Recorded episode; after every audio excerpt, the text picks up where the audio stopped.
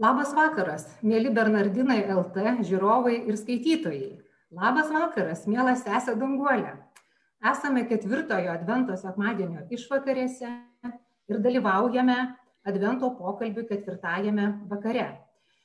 Ir su sesė Danguolė Gervytė kalbėsime apie švenčiausią mergelę Mariją. Galima sakyti, beveik po Jėzaus Kristaus pačią svarbiausią asmenybę krikščionybėje.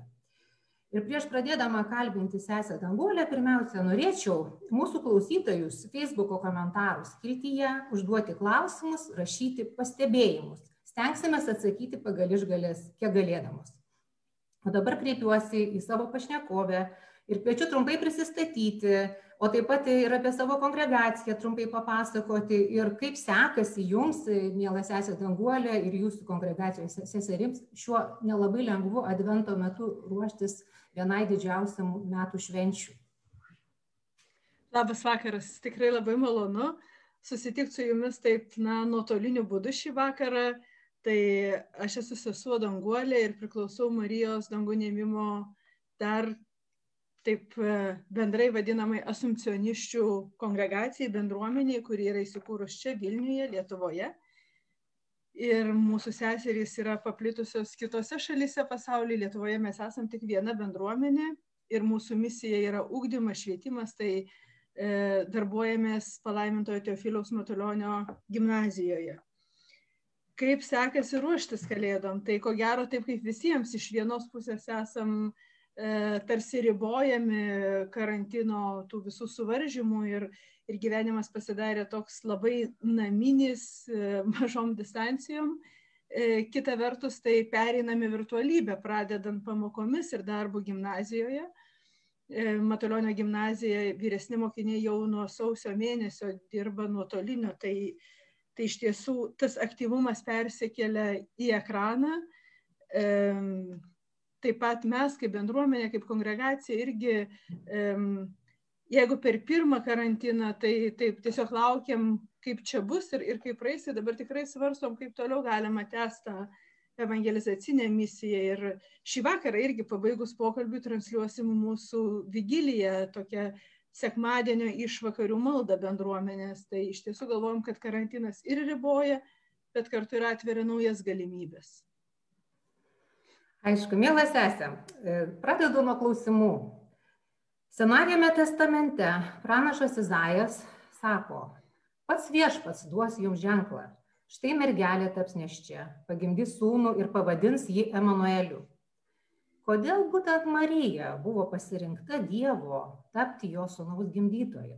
Ką mes žinome apie jos tėvus, apie šeimą, apie Marijos gyvenimą iki Arkangelo Gabrieliaus pasirodymo? Tai iš tiesų mums tikrai labai yra įdomu tiek apie Marijos gyvenimą, tiek apie Jėzus gyvenimą žinot plačiau arba daugiau negu pasakoja Evangelijos. Bet pradėkime nuo to, ką randam, ką randam šventam rašte. Tai e, šį sekmadienį skaitysime Evangeliją apie prieškimą ir jau čia mes sužinom, kad e, apie Mariją, kad ji buvo iš Nazareto, sužadėta su vyru vardu Juozapas. Ir iš tikrųjų Tai leidžia manyti, kad Marija buvo iš neturtingos, ko gero, šeimos, nes šventykloje vėliau gimus Jėzui ji su Juozapu aukoja tai, kas priskirta aukot vargšams, tai du balandžiukus. Taip pat galim numanyti, kad jeigu Marija būtų buvusi, na, tarkim, Kleopatra, tai nesakytų evangelistas nei iš kur ji kilus, nei kieno sužadėtinė, nes jau savaime ji būtų garsi.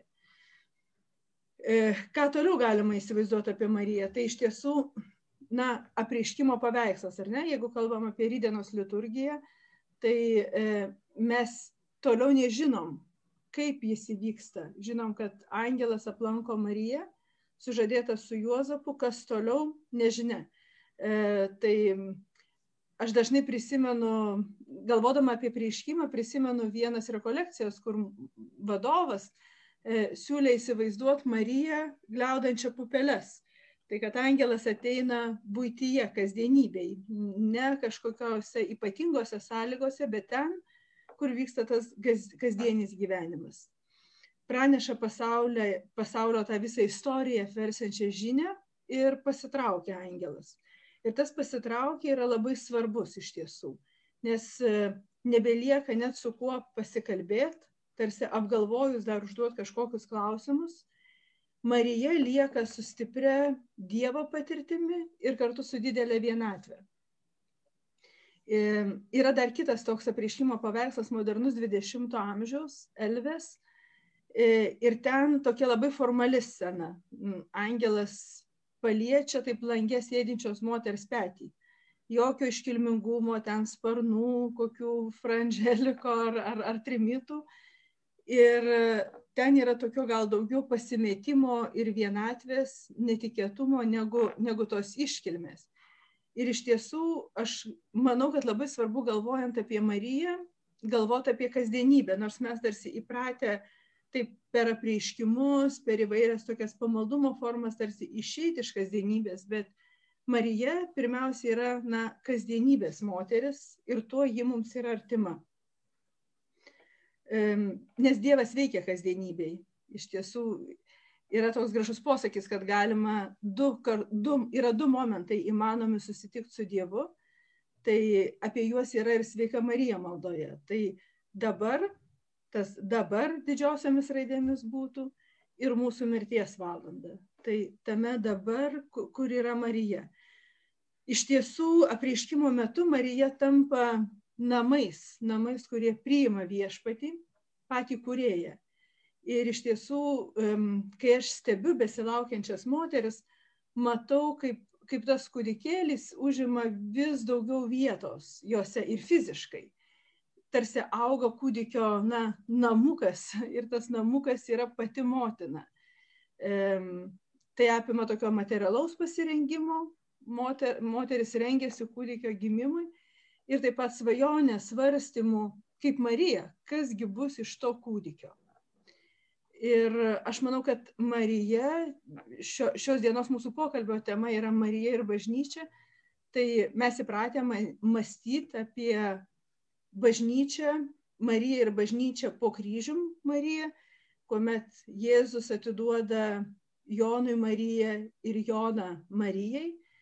Yra, vėliau mes apaštalų darbuose yra scena, kaip Marija atsidėjo maldai kartu su kitais apaštalais laukdama šventos dvasios atsiuntimo bet iš tiesų manau, kad reikia kalbėti apie įsikūnymo slėpį, nes, slėpinį jau, nes Marija tampa bažnyčia, ji priimdama įsikūnijusi Dievą, ji tampa, na, tabernakuliu, nes savyje ji talpina ne tik žmogų, bet ir patį Dievą.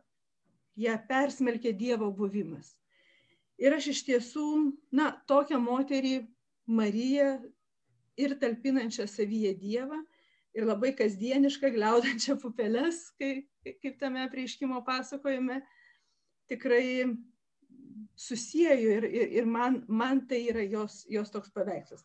Ką žinom apie šeimą, vaikystė yra iš tiesų tikrai labai sunku pasakyti. Ji yra iš Jėsės, Dovido giminės, um, svarbi genealogija Marijos, tradicija sako, kad buvo tėvai Jochimas ir Ona. E, iš tiesų krikščioniška ikonografija Marijos tėvus mėgo vaizduoti. E, taip pat e, yra na, pasakojimas, kad galbūt Marija augo, e, paukota augo šventykloj, bet iš tiesų Evangelija apie tai labai mažai kalba ir iš tiesų mm, susitelkiama ties Jėzumi ir Marija ir Marija pristatoma kaip Dievo motina. Čia, čia yra centras, nes centras yra Jėzus detalių yra nedaug, kaip ir kalbų Marijos Evangelijose yra, yra labai mažai. Aišku, yra, yra himnai apie e, iščiose mesgamą vaisių ir, ir tarkim, Marija vaizduojama verpinti. Bet čia yra tokie, na, poetiniai svarstymai, poetinės iliuzijos, kurios žmonėms mums labai reikalingos, nes mums reikia kažkaip išreikšti. E, bet, bet Evangelija yra E, yra kukliai apie tai kalba. E, tik tai dar baigdama tą temą norėčiau pasakyti apie popiežių, kuris Kristus, Kristus Vivit, kreipdamasis į jaunimą, savo enciklikoje sako, kad Marija buvo jauna. Ir kai ji priėmė angelo pasveikinimą, ji atsiliepė su tokiu labai dideliu entuzijazmu. Ir tikrai čia yra jauno žmogaus bruožas. Marija nesvarstė, galbūt pažiūrėsim, na nežinau, gal man nepavyks, o gal tu dar pas kitą kreipkis. Tai tas Marijos atvirumas viskam yra toks jaunystės atvirumas ir iš tiesų um, ji ir lydėdama Kristų kančioj nebuvo, nebuvo tos kančios sužlugdyta. Tai gal dar kitas toks Marijos bruožas būtų, tai stipri moteris, kuri išsaugo viltį, yra kartu ir vilties moteris, e, e, yra vilties moteris laukianti dvasios atsiuntimo kartu su apaštalais.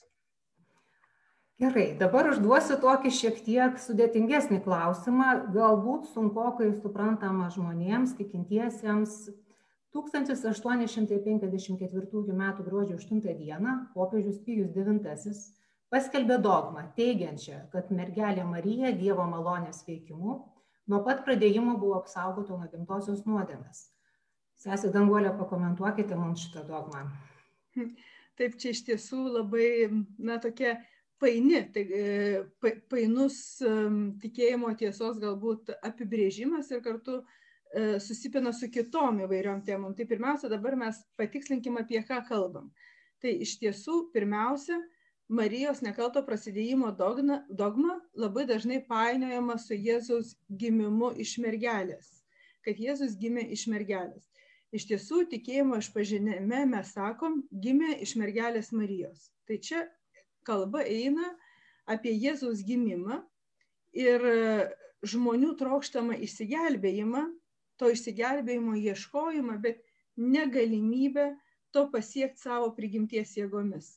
Reiškia, E, jau pas Jėzaus gimimas iš mergelės yra tarsi Dievo galybė ženklas, o ne žmogaus e, galiuose esantis.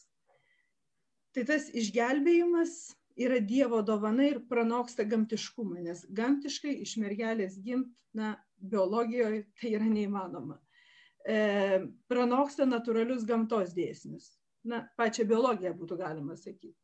Ir iš tiesų e, labai dabar svarbu svarstyti ne kur čia ta biologija yra, bet kokia yra tikėjimo žinia. Tai e, tikėjimo tiesa kalba daugiau negu apie mokslo paaiškinamus dėsnius, neša kažkokią žinią. Dabar einam prie nekalto prasidėjimo. Tai iš tiesų nekalto prasidėjimo šventę mes minim gruodžio 8 dieną. Bažnyčios, bažnyčios šventė tai yra nesena dogma, E, ji labai dažnai siejama su labai greitai po to paskelbimo įvykusiu apsiriškimu Lurde. E, ir ši tikėjimo tiesa, tai reiškia, na, nekaltas prasidėjimas yra taip labai blankiai suvokiama ir nuolat gretinama su lytiškumu iš tiesų, labai dažnai. E, bet beje, ir pirmųjų žmonių nuodėmė irgi gretinama su lytiškumu. Tai dabar čia pradėkim, kaip sakoma, nuo Jėvos ir Adomo. Tai kas atsitiko sode? Tai sodo nuodėmi yra neklusnumas ir nepasitikėjimas Dievu. Arba dabar dar sakytumėm, na, toks susireikšminimas žmonių, savęs į centrą pastatymas arba atsistojimas į Dievo vietą. Tai čia yra nuodėmė. Ir, ir kalti žmogaus, o ne lytiškume, kuris dažnai gretinamas su nuodėmingumu. Dabar šią tendenciją užimt Dievo vietą mes nešam visi savyje, mes visada na, turim polinkį taip susireikšminti, paprastai tariant, ar ne? Ir iki 13 amžiaus maždaug um, teologai labai diskutavo ir net nepritarė nekalto, Marijos nekalto prasidėjimo tokiam teologiniam teiginiui. Tuo metu tai dar net nebuvo svarstoma apie dogmą. Ir koks, koks buvo jų motyvas. Tarp jų beje buvo ir Tomas Akvinėtis. Jis irgi nepritarė Marijos nekaltam prasidėjimui. Jis sakė, kad tada e, nebereikėtų atpirkimo, o Jėzaus ateimas buvo reikalingas visiems be išimties. Tai iš tiesų paskui tai, kad tose diskusijose įnešė irgi 14 amžiaus toks teologas Dunsas Skotas. Ir jis sakė, kad nekalto prasidėjimo, jis aiškino nekaltą prasidėjimą kaip iš ankstinį Marijos išlaisvinimą iš gimtos nuodėmės. Jis sako, kad, na, tokį palyginimą duoda, sako, tai nėra lygos išgydymas, bet toks profilaktinis apsisaugojimas nuo jos. Tai abiems atvejais reikia už tai dėkoti gydytojui. Tai reiškia, pagrindinis veikėjas yra gydytojas, e, kuriejas. Ir iš tiesų, vėl, kokia teologinė žinia už to? Mes čia nekalbam apie tokį praktiškumą, kam to reikėjo. Teologinė žinia yra, kad to reikėjo Marijos misijai atlikti. Antras Vatikanas, Lumen Gentium, sako, kad uh, Marija dėl nekalto prasidėjimo galėjo priimti išganančią Dievo valią visą širdimi. Iš tikrųjų, jai nekliudė jokia nuodėmė. Bet tai nereiškia, kad Marija neteko savo žmogiškumo arba kad ji na, neišgyveno abejonių, pagundų, skausmo, liūdėsio. Tai e, iš tiesų ta nekalto prasidėjimo dogma mus nukreipia vėl ne į Mariją, bet į tokį išganantį Dievo veikimai, Dievo visą galybę. E, ką tai mums duoda mūsų tikėjimui? Tai iš tiesų tokia išimtis, tai pavadinkim, kuri pasireiškia per Mariją, mums rodo Dievo maloningą veikimą, kad Dievas mm, savo galybę gali daryti išimtis dėl jo paties apsireiškimo, dėl jo paties na, galios atsiskleidimo ir Dievas jai davė tai, ko reikia išpildyti jos misijai ir jos pašaukimui, tarsi sudaro galimybės Marijai besąlygiškai pasakyti taip. Gerai, tada kitas klausimas būtų, e, nors daugybę kartų esame apie tai girdėję ir žinome apie Jėzaus gimimą, bet man vis tik tai įdomu būtų, kaip, kaip jūs pasakytumėt, kaip jūs pakomentuotumėt, kad na va, žmonijos išgelbėtojas gimsta tvartelėje. Tai dabar va tvartelis, kas tas tvartelis, kodėl tvartelis, kaip ten vyko, gal sesė danguolė, keliais žodžiais, pasakykit, nu kaip, kokios jau naujausios yra nu, nuomonės, kaip ten galėjo viskas klostytis. Na, aš ten nebuvau, nežinau, kaip vyko. tai um, aš manau, kad svarbiausia, tai um, gilinantis į tokius klausimus reikia žiūrėti, ką apie tai sako Evangelija, ką apie tai sako Šventas Raštas. Ir visos Evangelijos pasakoja pradžią. Tik tai pradžią pasakoja savo, savo būdu. E, sinoptinės Evangelijos Lukas ir Matas pasakoja pačią gimimo istoriją. Morkus Evangelija pradeda šiek tiek kitaip, jis pradeda nuo jau Jono Krikštitojo veiklos, bet tai irgi yra pradžia. E, Lukas su Matu yra na tokie pasakotojai. E, ir Lukas pradeda nuo, taip įsivaizduokim, kaip filmo kūrimą. Lukas sako, Kvirinui valdant Siriją. Tai tarsi, na, tokia bendra panorama. Ir paskui kamera pritraukia tokius konkretesnius įvykius. Tai Kvirinui valdant Siriją ir kamera juda, išėjo įsakymas surašyti žmonės ir dar jį labiau pritraukia ir matom Juozą einantį iš Galilėjos į Nazareto, į, į Nazaret, iš, iš Galilėjos miesto Nazareto į Judėją užsirašyti, į Betliejų keliauja. Ir vėl konkretina, sako, nes kodėl jis eina į tą Betliejų, nes buvo kilęs iš Dovido namų ir giminės. Tarsi, tarsi mūsų filmas jau susitraukė ties m, tokia mažesnė fizinė erdvė ir mažesnė žmonių erdvė, socialinė erdvė. Ir paprasčiausiai jis turėjo užsirašyti kartu su savo sužadėtinė, kuri buvo neščia. Gimsta išganytojas ir dabar koks būtų filmas mūsų, ką sako Evangelija, kad e, ji pagimdė pirmgimį sūnų, suvystė vystiklais ir paguldė ežiose. Aišku, paskui bažnyčios tėvai kiekvieną žodį, kiekvieną sakinį interpretuoja, tarkim, kad suvystė vystiklais, tai yra aluzija į būsimą Kristaus mirtį bet galima sakyti, kad suvystė vystiklais. Tai visus kūdikius suvysto vystiklais. Tai tiesiog toks, na, jo žmogiškumo dalė irgi. Paguldė ėdžiose, nes nebuvo vietos užėgoje. Ką reiškia tos ėdžios?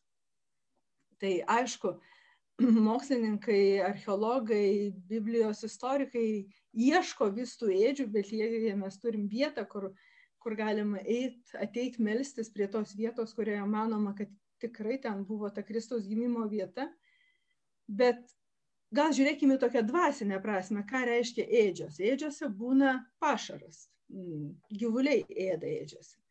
Tai Jėzus atsiranda ten, kur dedamas pašaras, maistas, kitaip tariant. Tai Jėzus jau suvystytas vystiklais tampa mūsų, mūsų maistu irgi, nes jiems nebuvo vietos užėgoj.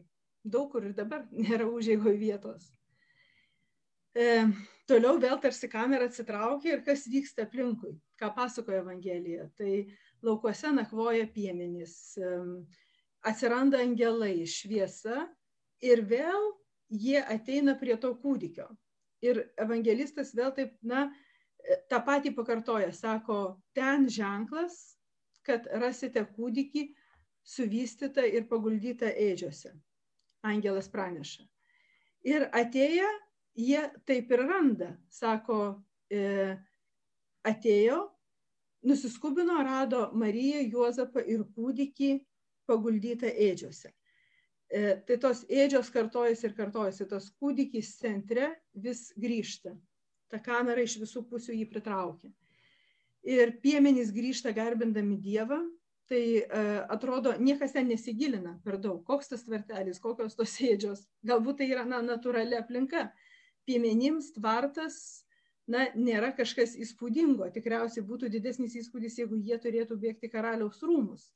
Įspūdis yra kame, tai Dievo šlovės patirtis. Nes jie E, apsakė, kas jiems buvo pranešta apie šitą kūdikį, o visi žmonės stebėjosi piemenų pasakojimu. Tai net vartas daro jiems įspūdį, jie pasakoja apie kūdikį. E, ko gero, jeigu jie būtų rūmuose, jie turbūt pasakotų apie rūmus. O čia tarsi vėl viskas susitelkia ties kūdikėliu paguldytų ėdžiose. Tai iš tiesų e, tas pasakojimas E, aš manau, kad svarbiau gal mums ruošiantis kalėdom ne tiek ieškoti, na, tokių istorinių interpretacijų, istorinių paaiškinimų, jų tikrai yra ir, ir gana tokių įdomių, bet skaityti Dievo žodį, ką apie Kristaus gimimą mums pasakoja evangelistai. Aišku, jeigu mes paimtumėm Joną, na tai ten yra visa drama, kaip šviesa ateina į pasaulį, šviesa, kur yra pats žodis, jo nepriimė, bet čia jau, man atrodo, reikėtų mums turbūt atskiro net įrašo apie tai. Mhm, aišku. Norėjau jūsų paklausti dar tokio dalyko. Vestuvės kanoje yra vieta, kurioje Jėzus padarė pirmąjį savo stebuklą. Jaunikiu pritrūkus vyno Marija kreipėsi savo sūnų sakydama, jie nebeturi vyno. O į tai Jėzus atsakė, o kas man ar tau moterė? Dar neatėjo mano valanda. O ji tuomet tarė tarnams, darykite, ką tik jis jums lieps. Skaitydami šią Evangelijos vietą mes sužinome, kad Marija kartu su mokiniais lydėjo Jėzų jo kelionėse. Jis stovėjo prie kryžiaus, prie kurio buvo prikaltas sunus jos. Prieš mirtį Jėzus savo motiną patikėjo mylimiausiam mokiniui Jonui. Ką mes žinome apie tolimesnį Marijos gyvenimą? E, mažai. Iš tiesų mes mažai ką žinom, e, kaip ir sakiau pradžioje, kaip nieko Evangelijos nepasakoja iki prieškimo. Mes turim tik kažkokius ikonografijos arba um, tokios vat, sakytinės tradicijos, kažkokius, um, kažkokias aluzijas. Tai taip ir po um, sėkminių, sėkminės yra paskutinis įvykis, kuriuose yra minima, kad Marija buvo kartu su jais. E, ir iš tiesų mes žinom, kad prie kryžiaus mylimasis mokinys pasima Mariją pas save ir taškas. Visa kita yra, yra interpretacijos. E, iš tiesų mes turim, e, man atrodo, tikrai turim pakankamai medžiagos apmastyti Marijos elgesį, jos tos negausius žodžius. Ir, ir gal netaip svarbu, kas buvo po ir prieš. Aišku, yra Marijos dangun ėmimas, tas didysis įvykis, e, tikėjimo įvykis, bet jo tokio vat, tiesiogiai labai taip aiškiai nupasakoto šventame rašte irgi mes nerandam, tai jau yra tikėjimo tiesa. E, galbūt Marija gyveno pas Luką, galbūt Lukas nupiešė pirmąją ikoną Marijos, jis nutapė, nes, sakoma, buvo dailininkas, bet čia yra na, tokios interpretacijos, kurios aš manau, kad tikrai mm, jos galbūt įdomios, mums taip šiek tiek papildo kažkokį suvokimą, bet, bet centre yra Jėzus, Marijos mūsų gyvenimo reguloje sakoma, kad Marijos džiaugsmas yra Jėzus ir ji vadinama palaiminta nesitikėjo. Tai vadinasi, mes ties Marija negalim sustoti. Marija yra ta, kuri mus veda Jėzaus link, į Jėzų. Mhm. Sesė Danguolė, mūsų jau klausytoja Audronė taip prašo. Nu, gal šiek tiek mes apsistokim ties tą vietą. Marijos paėmimas dangun e, niekur nėra šventame rašte apie tai. Ir aš čia irgi buvau parengusi jums klausimą tokį, ką reiškia, nes tai yra dar viena dogma apie Mariją. Tai yra švenčiausios mergelės Marijos ėmimo į dangų dogma. Ar tai reiškia, kad ji yra pirmasis žmogus anapusybėje, e, kurią išpažįstame sakydami, nes mes visi savo tikėjime išpažinimą sakome, tikiu kūno iš numirusių prisikėlimu. Tai čia nėra vien tušti žodžiai. Kaip jūs tą pakomentuotumėte? Taip, tai e, iš tiesų tas Marijos e, paėmimas į dangų e, mūsų tikėjime yra, na taip šio laikiškai pavadintume, beprecedentinis įvykis, ar ne? Tai vienintelis žmogus su kūnu paimtas į dangų. Yra toks, e, gal vėl čia dabar sugretėkim su prisikėlimu, tai kai kalbam apie Mariją, tai nesakom, kad ji buvo prikelta, bet sakom, kad ji su kūnu buvo paimta į dangų. E, lietuviškai mes sakom prisikėlimas, yra nusistovėjęs jau šitas terminas. E, teisingesnis, teologiškai teisingesnis būtų prikėlimas, nes ir Jėzus buvo tėvo prikeltas. Mes taip pat būsim prikelti, neprisikelsim. Tai mes, žmogus yra pasyvus. Ar tas terminas dabar reiškia kažkokį skirtumą, tai iš tikrųjų labai didelį, nes prisikelti yra mano iniciatyva, o prikėlimas yra Dievo valia. Tai Marija yra paimta į dangų, ne, neįžengia į dangų. E, Velykų laikų e, baigiantis mes švenčiam Kristaus žengimą į dangų ir paskui išvesdami žolinę jau švenčiam Marijos paėmimą į dangų, pasikeičia veiksmažodžiai. Tai vėl, matot, Marijos šventė, bet mus kreipia į Dievo veikimą, į Dievo, na, tokį aktyvumą.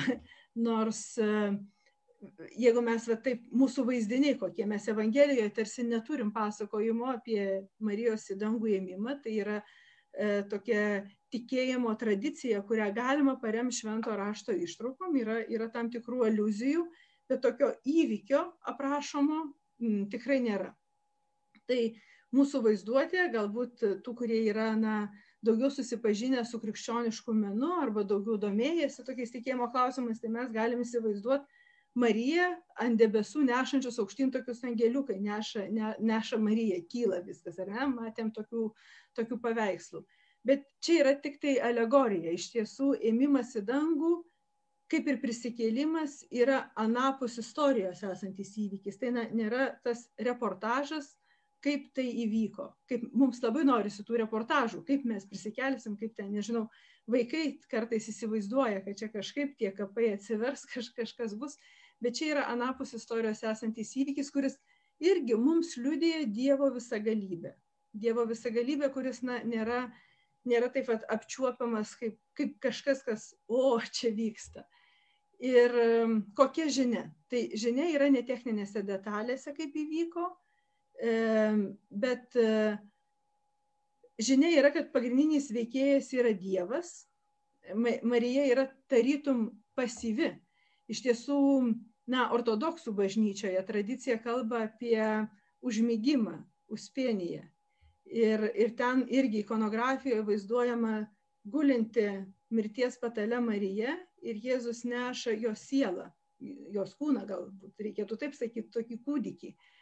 E, tai iš tiesų dogmos mums kalba apie Dievą, o šita dogma, Marijos dangų neimimo dogma yra tikrai, na, tokia antropologinė, sakyčiau nes ji parodo žmogaus vertę Dievo akise, e, jo didybę, kad e, Dievas išaukština žmogų. Marija yra ta pirmoji išaukštinta moteris, persmelkta, e, persmelkta Dievui.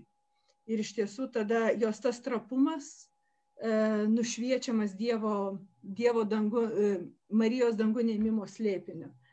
Tai Marijos ėmime į dangų pasireiškia iš tiesų viešpatės šlovė, o ne jos pačios kažkokia pergalė, kaip yra prieškime. Mhm. E, Yra labai įdomių liudijimų ir daug mes žinome apie Marijos pasirodymą žmonėms. E, žinome Šilvą, žinome Lurdą, žinome apie Fatimą. Tačiau bažnyčia, taip pat žinom, kad bažnyčia ne visus tuos e, pasirodymus pripažįsta, labai atidžiai tyria, dešimtmečius gali truktas tyrimas.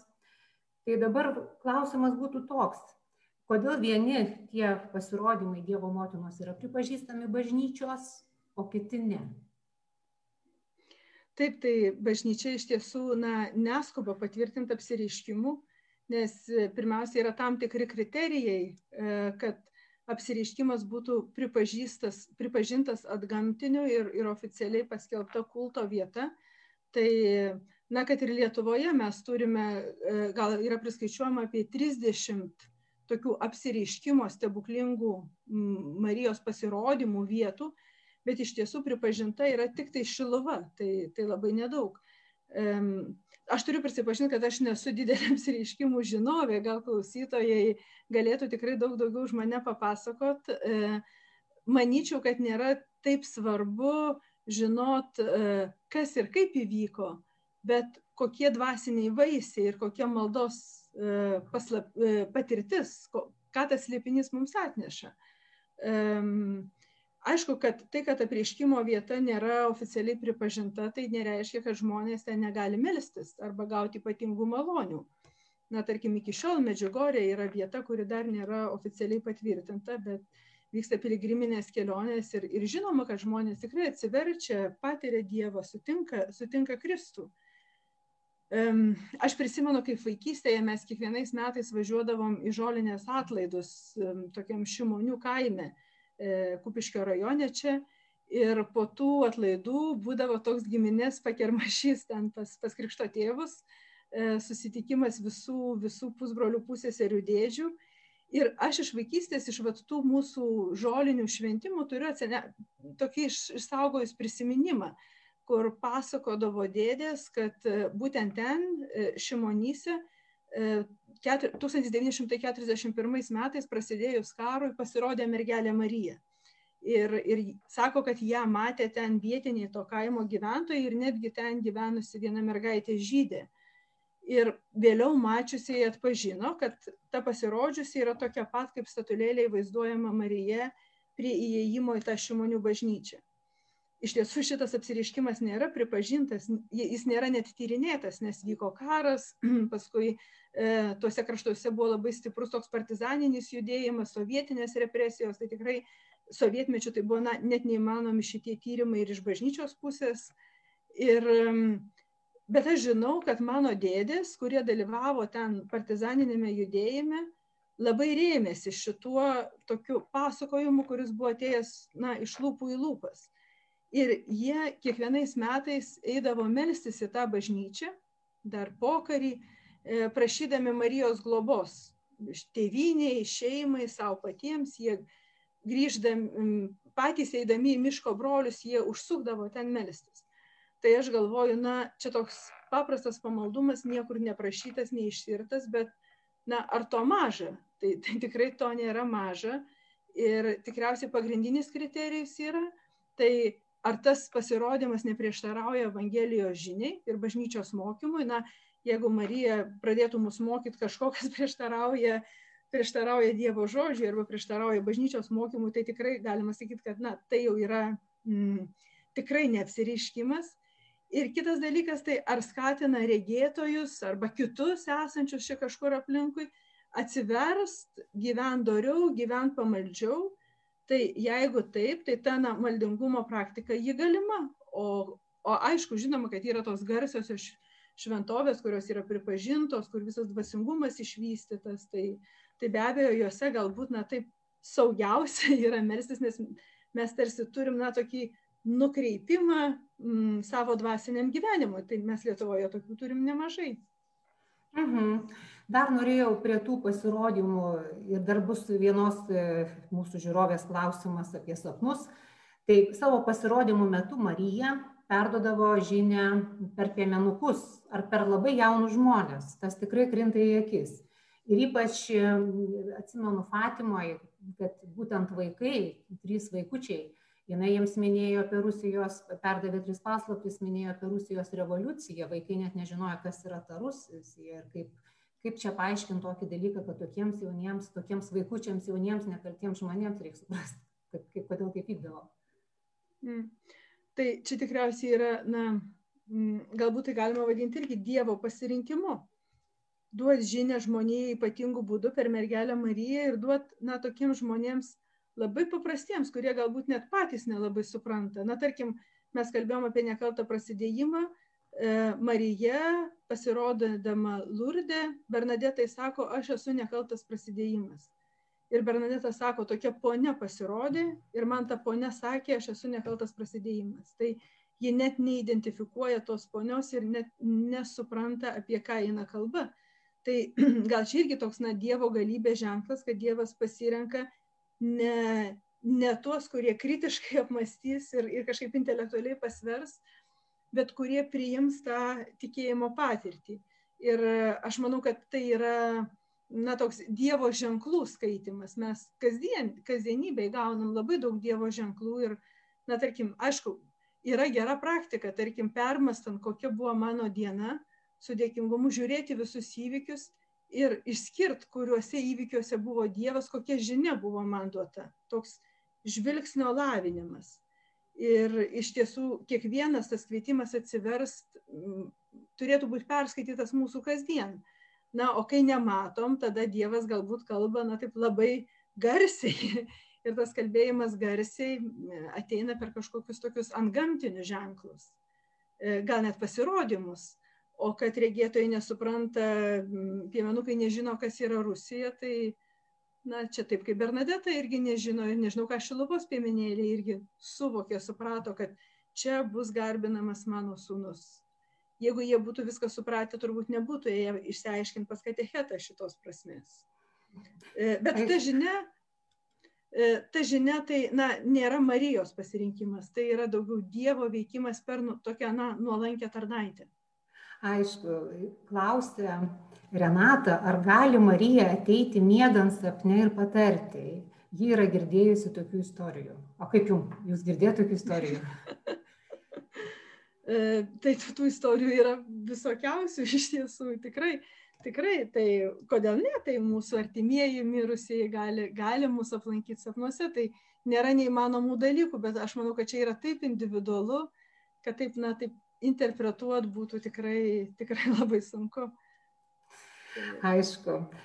Lietuva yra vadinama Marijos žemė ir beje viena mūsų žiūrovė, Jurgita, klausė, kaip jūs žiūrite tai, kad jinai taip vadinama. Dar yra vienas klausimas, ką mums reikia Marijos, kodėl prašom jos užtarimą, jeigu galim kreiptis tiesiai į Dievą. Žinome taip pat, kad kitose tautose yra labai populiaru iš šventuosius, turi savo šventuosius mylimus, kurių kreipiasi, prašo pagalbos. Mano klausimas būtų toks, e, kad jau mergelė Marija pradėta garbinti jau 15 amžiuje Lietuvoje iš karto po krikšto. Marijonas Juozas Vaišnoras savo knygoje Marijos garbinimas Lietuvoje, taip jisai sako, kad, kad lietuvis nemėgsta tarpininkų tarp dievų ir tą yra pastebėję mūsų psichologai, tyrinėję lietuvio dvasę. Tarp, nemėgsta tarpininkų tarp Dievo, Marijos ir savęs jis kreipiasi tiesiog į Dievą arba į jo motiną Mariją, kuri jam yra visų malonių tarpininkė ir galinga užtarytoja. Ar gali taip nutikti, kad garbindami mergelę Mariją pamiršime jo sūnų? Esu sutikusi žmonių sakančių, kad medžiasi Marijai, bet Jėzus jiems svetimas. Ką tai sako apie mūsų tikėjimą? Gal tai labai seni pagoniškų judėjus motinos, apie kurią daug rašė ir tyrinėjo mokslininkė Marija Gimbutienė reliktai. Kaip jums atrodo? Tai iš tiesų čia man tokia tikrai labai įdomi išvalga, kad lietuviai nemėgsta tarpininkų. Gal todėl toks šventųjų kultas Lietuvoje yra labai silpnas. Mes turim nedaug šventųjų, bet ir tuos, kuriuos turim, mažai galbūt kreipiamės į juos ir jie na, tikrai tikėjimo tokioje patirtyje nėra labai reikšmingi kaip su pamaldumu Marijai? Klausimas, e, kodėl e, Marijos žemė Lietuva. Tai daug tų žemių Marijos. Prancūzija sako, kad irgi Marijos žemė, Ruanda, Afrikoje taip pat Marijos žemė. Tai galbūt visa žemė yra Marijos žemė. E, Tai tas pamaldumas Marijai, e, jeigu Marija mūsų neveda pasūnų, tai yra kažkokia ties, iš tiesų problema mūsų dvasingume, nes Marija pirmiausia yra mūsų tikėjimo sesuo. Na, visada yra gerai turėti bičiulį, seserį, brolį, draugą, kuris tave gali lydėti tikėjimo kelią. Tai Marija yra ta, kuri mus gali palydėti, nes ji gyvena tikėjimu gyveno tikėjimu, dabar gyvena regėjimu, bet gyveno tikėjimu, su daug abejonių, su daug pasirinkimų, tai iš tiesų ji tuo mums artima savo žmogi, žmogiškumu tokiu. Dėl tos matriarchatinės visuomenės, tai ko gero čia reikėtų, na, tokių antropologinių studijų, tokių rimtesnių tyrimų, tai aš čia taip, na, būtų jau spekulacija, jeigu apie tai, apie tai kalbėčiau. Man atrodo, kad iš dalies tai yra tas, vat, na, e, kuomet Marija tarsi užgožia Jėzų, e, nežinau, ar taip galima, bet yra, na, tokio teologinio raštingumo, aš sakyčiau, trūkumas. Tai iš tiesų dabar labai madinga kalbėti apie įvairius raštingumus, ten emocinį, informacinį, pilietinį ir taip toliau, ir taip toliau. Tai kartais trūksta mums, na, tokio teologinio, teologinio mąstymo. Tai kaip tai būtų galima pasiekti, arba kaip čia į vietas viskas galėtų atsistoti tai manau tikrai labai padeda na, įvairios tikėjimo klausimų, tokios studijos, gilinimasis į tai, skaitimas. Karantinas yra puikus metas dabar ir skirti laiko galbūt daugiau skaitimui, įrašų pilna įvairių e, klausimui ir taip pat melžiantis, gyvenant dvasinį gyvenimą. Mes, jeigu mūsų dvasinis gyvenimas yra tiesoje, tai mes, na, turim tokią intuiciją kas yra tikra, kas yra iš Dievo, o kas čia yra taip, na, tarsi mano susigalvota. Tai e, manau, tą raštingumą mes keldami tikrai e, nukreipsim savo žvilgsnį daug labiau į Jėzų ir Marija taps mūsų, na, bendra keliaivė. Kad lietuviai nesidomi Marija, tai aš, na, nepasakyčiau. Aš čia visai neseniai radau tokią internetinę pro, pro, programėlę, aplikaciją, vadinasi Būk detektyvas Ir ten e, vienas iš siūlomų tokių maršrutų yra Marijos apsireiškimo vietos Lietuvoje. Tai man pačiai buvo labai įdomu. Tai aš galvoju, sekuliari ta programėlė sukurta tikrai ne, ne Bernardinų ir ne Magnificat, e, bet, nu, na štai, pasirenka tokį maršrutą. Tai ko gero, ko gero net ir kultūroje tai yra, yra stipru. Mhm, supratau. Dar viena mūsų žiūrovė Lina klausė Kas yra žinoma apie Marijos elgesį mirus Jėzui ant kryžiaus? Ar Marija išlaikė viltį dėl savo sunaus prisikėlimo? Ką Marija išgyveno po Jėzaus nukryžiavimo? Toks klausimas. Tai Evangelija mums, kaip ir minėjau, sako, kad e, Jėzus ant kryžiaus e, Marija paveda Jonui savo mylimam mokiniui, o Joną paveda Marijai, sako, štai tavo sunus, štai tavo motina. Kur toliau dalyvavo motina, na tai mes galim įsivaizduoti. E, religinis menas vaizduoja pietą, ar ne, motiną laikančią ant savo kelių mirusį sūnų. Tai apsipratome su tuo vaizdu, bet šiaip įsivaizduokim, koks tai yra, na, stiprus vaizdas motina, kuri laiko ant kelių ne kūdikį, bet suaugusi, nukryžiuotą, iškankintą savo sūnų. Tai, tai tikrai buvimas kančioj Marijos yra mums pavyzdys, kaip išbūt kančioj, nes kančia yra žmogiško gyvenimo dalis, kad ir kaip na, nemalonu apie tai kalbėti ir nesinori, bet uh, kančia yra brandos kelias. Mes visi savo būdu, tiek kiek galim pakelt, tiek kiek gyvenimas susiklosto, mes, na, tarsi gaunam savotišką kančios, kančios dozę. Viltis, tai žinoma, e, vienas iš naujų kreipinių, e, kuriuos e, popiežius Pranciškus įtraukė į Marijos litaniją, tai yra vilties motina. Tai iš tiesų, gal mes mažai apie tai mastom, gal mes lietuviškoje tokioje tradicijoje labiau, tarkim, gailestingumo motina esam daugiau, na tai apmastę ir yra aušos vartai, yra gailestingumo šventovė, tai tas Marijos artumas gailestingumui yra, na, toks mūsų dvasingume galbūt labiau apčiuopiamas. Mm, vilties motina, tai tas gebėjimas išbūti sunkumuose, gebėjimas e, įtikėti prisikėlimu. Tai jeigu e, pasakojama apaštalų darbuose, kad Marija kartu su apaštalais atsidėjus maldai e, laukia ir, ir ji yra ir sėkminių diena, tai e, galim įsivaizduoti, kad čia ji turėjo tikrai užauginti viltį ir, ir atrastą vietą naują tikėjimo dimenciją, kai, kai Jėzaus nebėra šalia, kur, kur ji iš tiesų jį gali ir apčiuopti, matyti, girdėti, bet turi pereiti tą tikėjimo dimenciją taip kaip mes. Mes esame toje antroje Marijos gyvenimo dalyje, mes esame arti jos, nes, nes mes irgi esame bažnyčioje atiduoti jai, jie atiduota mums ir mes taip pat irgi turim, turim gyventi tikėjimu. Tai, tai manau, kad čia Marija atsistoja į tokią teisingą vietą. Tikrai taip. Dar man vienas klausimas va dabar kilo į, į, į galvą. Visi mes žinome ir Lietuvoje yra labai populiarios kalvarijos, tie kryžiaus vadinamieji keliai. Ar aš teisingai suprantu, kad, na, nu, aš esu šitą dalyką girdėjusi kažkada, tai kad būtent mergelė Marija, jinai buvo pirmoji ta piligrimė, kuri nuėjo tuos, tuos tą kelią kryžiaus, kurį Jėzus buvo vedamas į Golgotą ir jinai netgi suskaičiavo žingsnius ir paskui po truputį ta tradicija atsirado ir ją išplėtojo pranciškonai, jeigu aš neklystu. Jūs kažką žinote apie tai?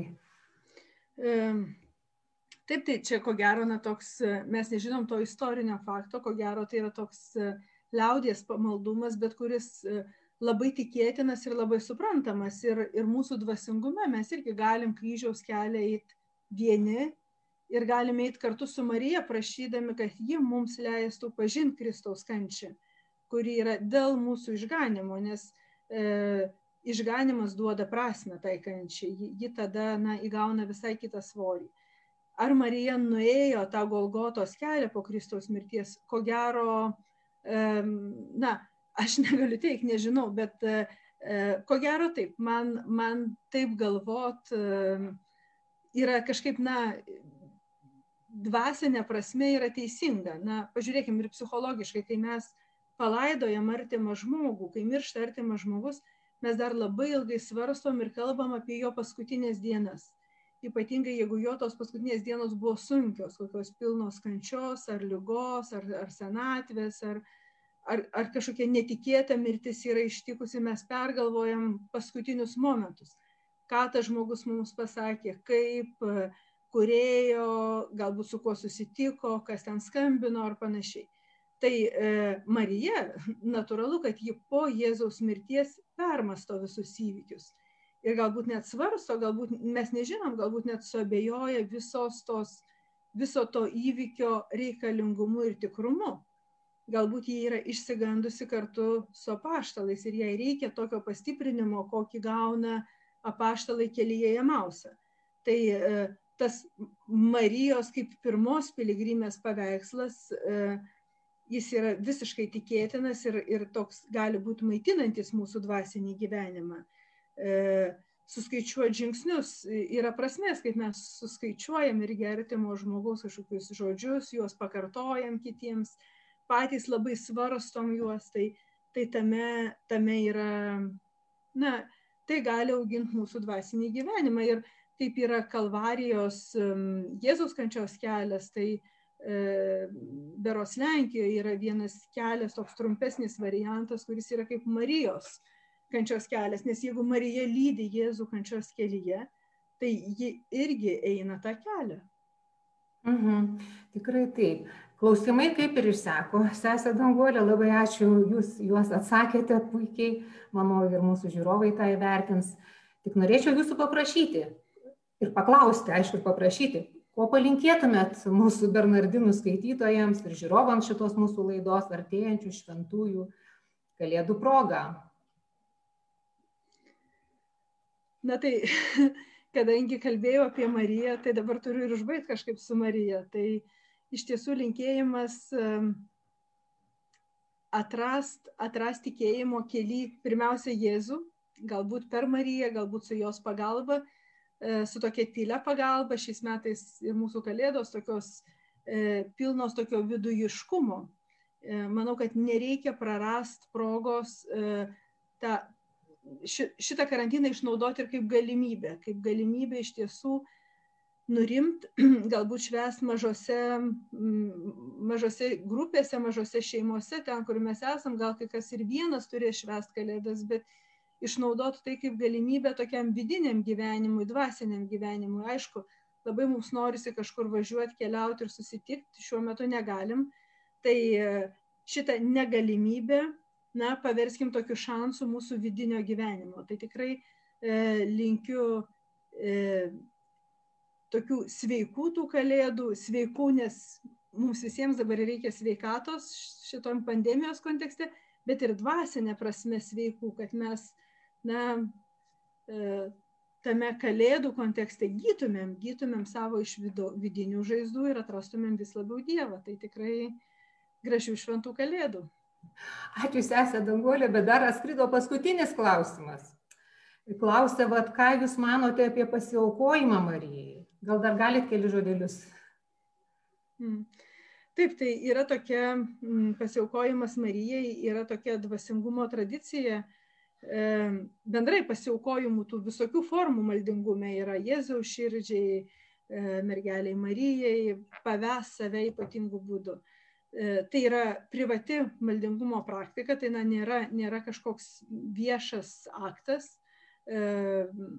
Aš manau, kad žmogus jaučiantis tokį vidinį paskatinimą savo širdyje paves save ypatingai Marijos globai ar ten Jėzaus širdies globai, apsvarstęs tai galbūt su kažkuo iš tikinčių žmonių, galbūt kokiu kunigu pasitaręs, jis tai gali padaryti, tai yra na, toks maldos aktas. Paskui yra tie vieši, vieši tokie aktai, tarkim, Lietuva paukota trakų Dievo motinai. Tai, tai yra na, tokia irgi maldingumo praktika, ji yra graži ir, Jeigu tai stiprina tikėjimą, tai ir į naudą. Mhm. Ir jau dabar tikrai paskutinis klausimas. Ar klausė mūsų žiūrovai, ar jinai buvo pirmutinė Kristaus mokinė? Galite e, sakyti. Mhm. Čia turbūt klausimas kaip moteris, ar, ar, ar buvo pirma mokinė ar ne. Tai tradicija sako, kad yra 12 paštalų, jie yra vyrai, bet moterų ten aplinkui irgi sukosi. Tai ir ta Marija Magdalena ir ko gero e, Morta, kita Marija, taip pat Jėzaus motina Marija. E, tos moterys šalia esančios, manau, kad jos nebuvo paskirtos apaštalais, bet jos tikrai buvo mokinės ir, ir Marija kaip mokinė iš tikrųjų atsiskleidžia kanos vestuvėse. Jis sako, darykite, ką jis jums lieps ir jis lab, ji labai gerai mato, ko reikia. Čia yra tas moteriškas subtilumas - pamatyti, ko reikia ir pabandyti tai suorganizuoti e, tyliai, bet efektyviai. Tai manau, kad čia yra Marijos labai gražus paveikslas. Aišku, labai jums ačiū. Dabar aš kreipiuosi į mūsų žiūrovus. Labai norėčiau irgi Bernardinų redakcijos vardu palinkėti jums to viltingo laukimo kurio kupina pasitikėjimo mergelė Marija kažkada ištarė taip mūsų kuriejui. Ir tuo pačiu dar noriu priminti, kad laidos dar tęsis, jau nebe Advento, bet kvieščiau kitą šeštadienį irgi bus pranešta prisijungti. Ačiū labai visiems, kurie klausėtės. Gražių visiems švenčių viltingų. Ačiū.